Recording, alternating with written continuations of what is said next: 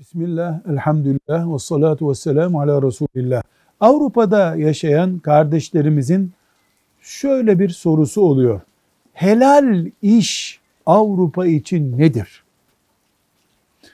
Bunun cevabında umumi olarak diyoruz ki helal iş kendisi helal olan ve harama hizmet etmeyen iş demektir.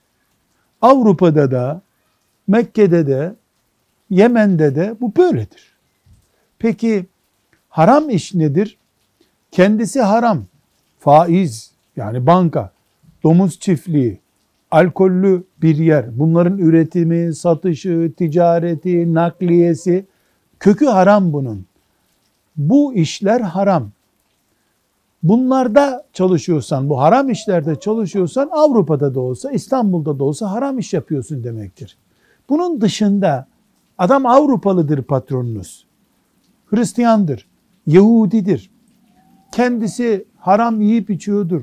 Domuz çiftliğinden gidip yemek yiyordur, içiyordur. Sizi işiniz haram hale getirmez onun özel hayatı. Sizin çalıştığınız işe bakıyorsunuz siz.